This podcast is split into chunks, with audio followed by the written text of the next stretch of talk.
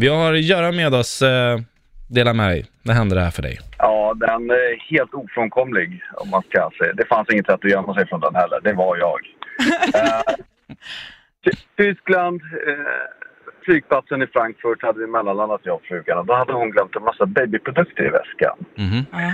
Och i kontrollen så ville de kolla vad det var, även utföra ett kemiskt test på dem så att det inte var sprängämnen. Och däremot så också kallar de på polisen. Oj. Jaha, så jag står där i en cirkel. Jag visste vad det var för något. Jag stod och garvade mest.